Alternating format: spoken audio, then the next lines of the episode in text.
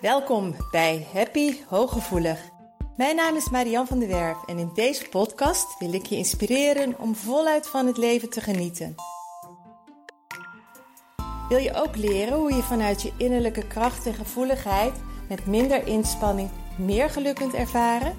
Heb je zin om positief, energiek en vrij van onzekerheid en angst door het leven te gaan?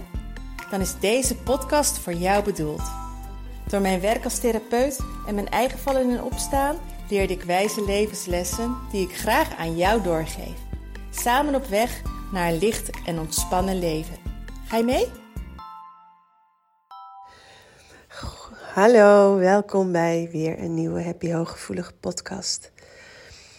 Hopelijk weer een interessant onderwerp voor je. Um, een herkenbaar onderwerp mogelijk. Dus ik hoop dat je er een hoop aan hebt.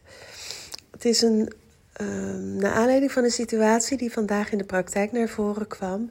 En het heeft heel erg te maken met erkenning, met uh, waardering, met goedkeuring. Uh, ik zal kort de situatie even schetsen. De persoon waarmee ik het gesprek had, was boos en van streek geraakt tijdens een gesprek op het werk, omdat ze iets had uitgelegd en ze verwachtte eigenlijk daar uh, begrip voor te hebben, erkenning voor te krijgen en dat bleef uit.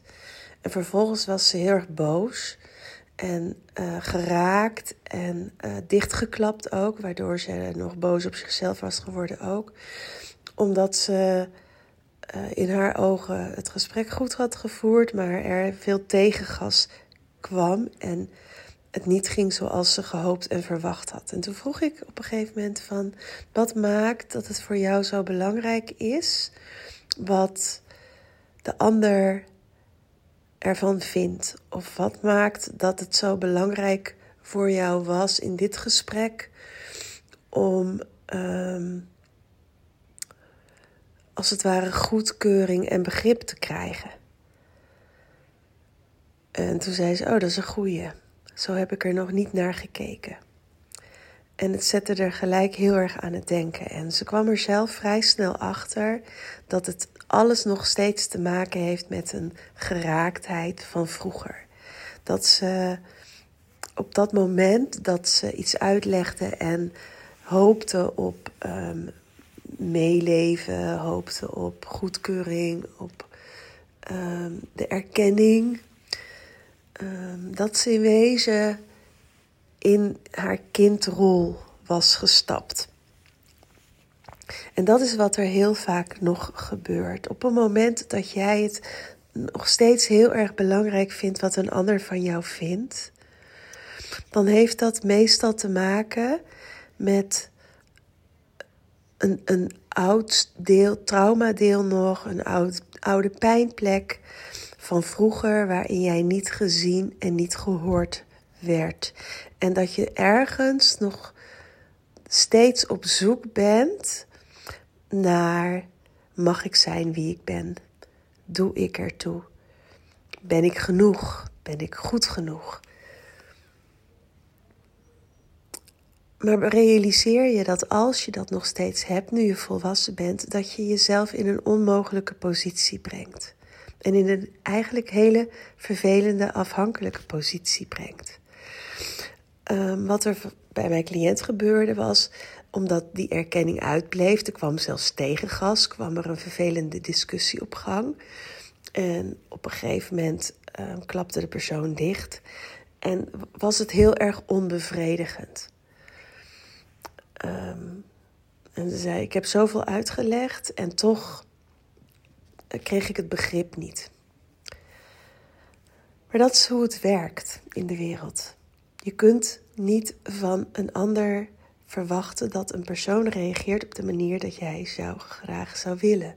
Het zou wel fijn zijn en je mag erop hopen. Alleen op het moment dat je de verwachting hebt is de kans heel groot dat je teleurgesteld raakt. En, dan voel, en op een moment dat je, um, als het ware, je, je identiteit en jouw waarde er daar nog steeds van afhangt, raak je ook teleurgesteld.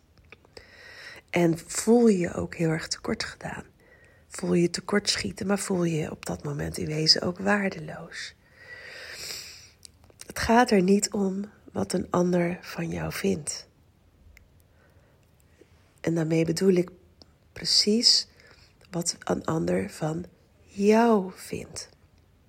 Kijk, op het moment dat je het over functioneren hebt, bijvoorbeeld in het, in, in, op je werk, of jouw rol als partner bijvoorbeeld, of jouw rol als moeder, dan uh, heb je het over een bepaalde manier van functioneren. Dat is iets anders als dat jouw bestaansrecht daarmee te maken heeft. En vaak is dat gekoppeld op het moment dat jij vroeger erg geraakt bent, omdat je het gevoel hebt gekregen dat jij als hooggevoelig meisje of hooggevoelig jongen er niet toe doet, of raar was, of anders was, of te was in bepaalde dingen, dan heb je ervaren dat wie jij bent niet helemaal oké is. Ben je waarschijnlijk een ander persoon geworden om je staande te houden, om te functioneren. Maar dat maakt je enorm kwetsbaar, want wat je dan eigenlijk nu in het hier en nu in je volwassenheid nog aan het doen bent.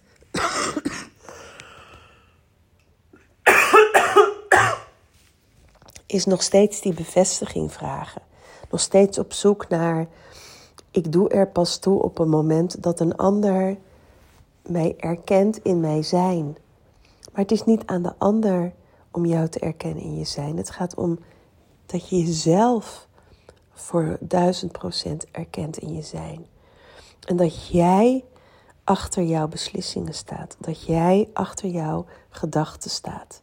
Dat jij achter jouw mening staat.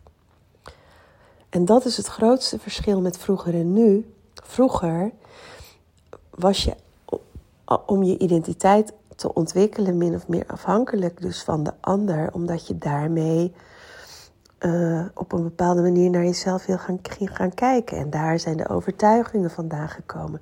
Daar zijn de, de, de inprentingen vandaan gekomen. Maar vandaag mag jij kiezen van wil ik dat geloven over mezelf? Wat vind ik van mijzelf? Wie ben ik?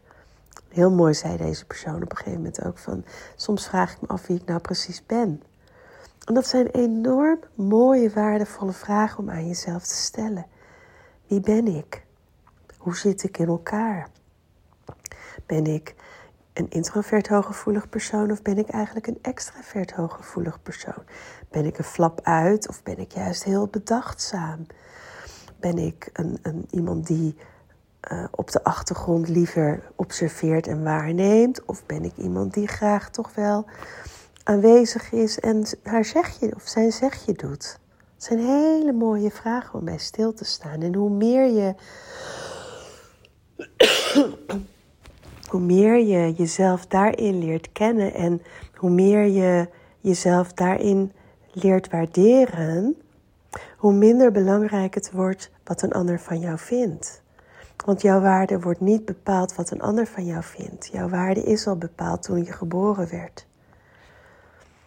En jouw waarde is wat jij ervan maakt. En als je naar je talenten kijkt, naar je kwaliteiten kijkt, naar je mooie eigenschappen kijkt, dan weet je diep van binnen heel goed dat je heel waardevol bent en dat je ertoe doet.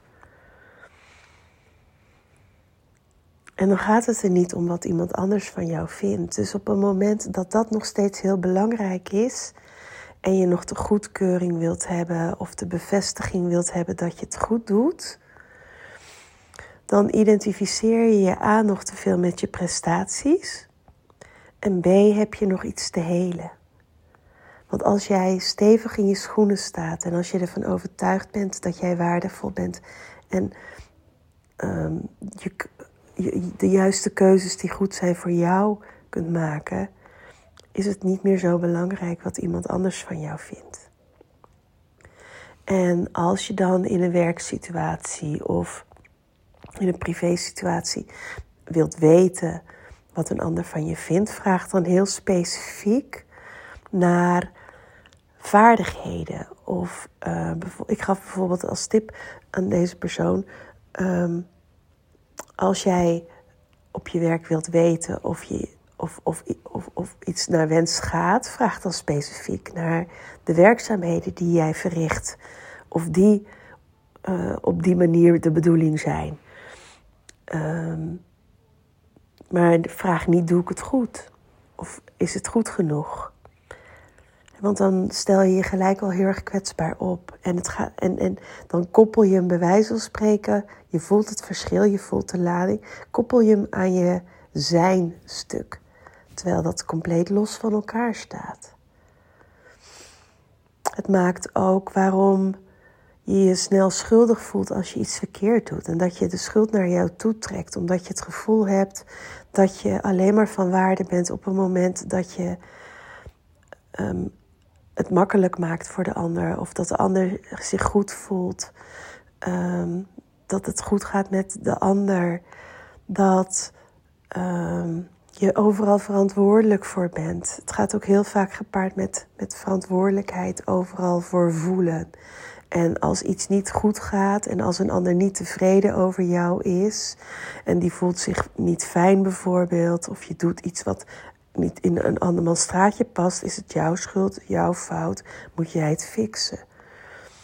Maar zo werkt het niet, want dan blijf je altijd in die afhankelijkheidspositie zitten dat jij uiteindelijk aan het kortste eind trekt en dat je je in allerlei bochten moet wringen om er maar toe te doen. En het hoeft niet. Want jouw waarde wordt niet bepaald door wat een ander van jou vindt. En het is een verademing op het moment dat je zo stevig komt te staan dat het veel minder belangrijk is wat een ander van je vindt. En natuurlijk wil je de mensen die van jou houden. Hè. Als ik kijk, vind ik het, ik, ben, ik vind het ook belangrijk dat mijn kinderen ja, tevreden zijn over mij. Maar dat inderdaad, dat, dat, dat ik, laat ik het zo zeggen, dat ik een goede volwassen relatie heb met mijn kinderen. Het is belangrijk dat ik een goede volwassen relatie heb met mijn partner. Maar dat is iets anders als dat ik alles uit de kast moet trekken om ten alle tijden maar in een goed blaadje te komen. Dat gaat ook niet, dat kan ook niet. Plus het gaat, je hebt altijd te maken met meningen. Een ander heeft een, soms een andere mening dan jij. Een ander heeft andere waarden en normen misschien dan dat jij hebt. Een ander heeft een ander beeld bij een bepaalde situatie dan jij misschien hebt. Dus Wees niet afhankelijk van wat een ander van jou vindt. Wees niet afhankelijk van de mening van een ander. Werk zo aan jezelf. Werk zo aan zelfliefde, eigenwaarde, veiligheid en aan je mindset dat je dat kunt loskoppelen van de ander. Dat het niet meer valt of staat bij de mening van een ander. Dat je eigen waarde daar niet meer van afhangt. Stel je niet meer in die zin zo kwetsbaar op. Het is een korte podcast. Ik hou ze ook een beetje kort vanwege mijn keel momenteel. Maar ik hoop dat je er veel aan hebt. Ik wijs je ook nog een keertje op de Evergreen Happy Hooggevoelig, waar je vooral met dit soort onderwerpen aan de gang gaat. Het is een hele mooie, waardevolle training. Ik ben er heel trots op. Het is een do-it-yourself training, dus je kunt hem helemaal op jouw eigen manier doen. Je kunt er lekker zelf mee aan de slag. Je kunt het er ten alle tijden oppakken als je het eventjes laat liggen. Je kunt het per module doen. Je kunt de hele training doen in één keer net wat je wilt. Dus ben je met dit soort onderwerpen bezig en merk je aan jezelf: hé, hey, ik heb hier een groei in te maken, ik heb hier iets in te doen. Kijk dan op de website zienswest.nl onder aanbod. Daar staat de training. En volgens mij staat de link ook op de eerste, op de homepagina, al naar de training met alle informatie. Ik hoop dat je hier veel aan hebt. Geef um, mij door als tip als je hooggevoelige vrienden, vriendinnen, kennissen, collega's hebt die ook mijn podcast uh, kunnen beluisteren. Heel veel liefs van mij. Doeg! Dank dat je luisterde naar Happy Hooggevoelig. Heeft deze podcast je nieuwe inzichten gegeven? Je doet me groot plezier met een recensie op Apple Podcast. Je kunt je natuurlijk ook abonneren op dit kanaal in jouw favoriete podcast-app. Want elke week staat er een nieuwe aflevering voor jou klaar. En wil je nu zelf aan de slag en meer lichtheid ervaren? En sta je open voor nieuwe inzichten en verandering? Neem dan vooral eens een kijkje op mijn website www.zienswijs.nl. Daar help ik je graag nog verder. Zie ik je daar?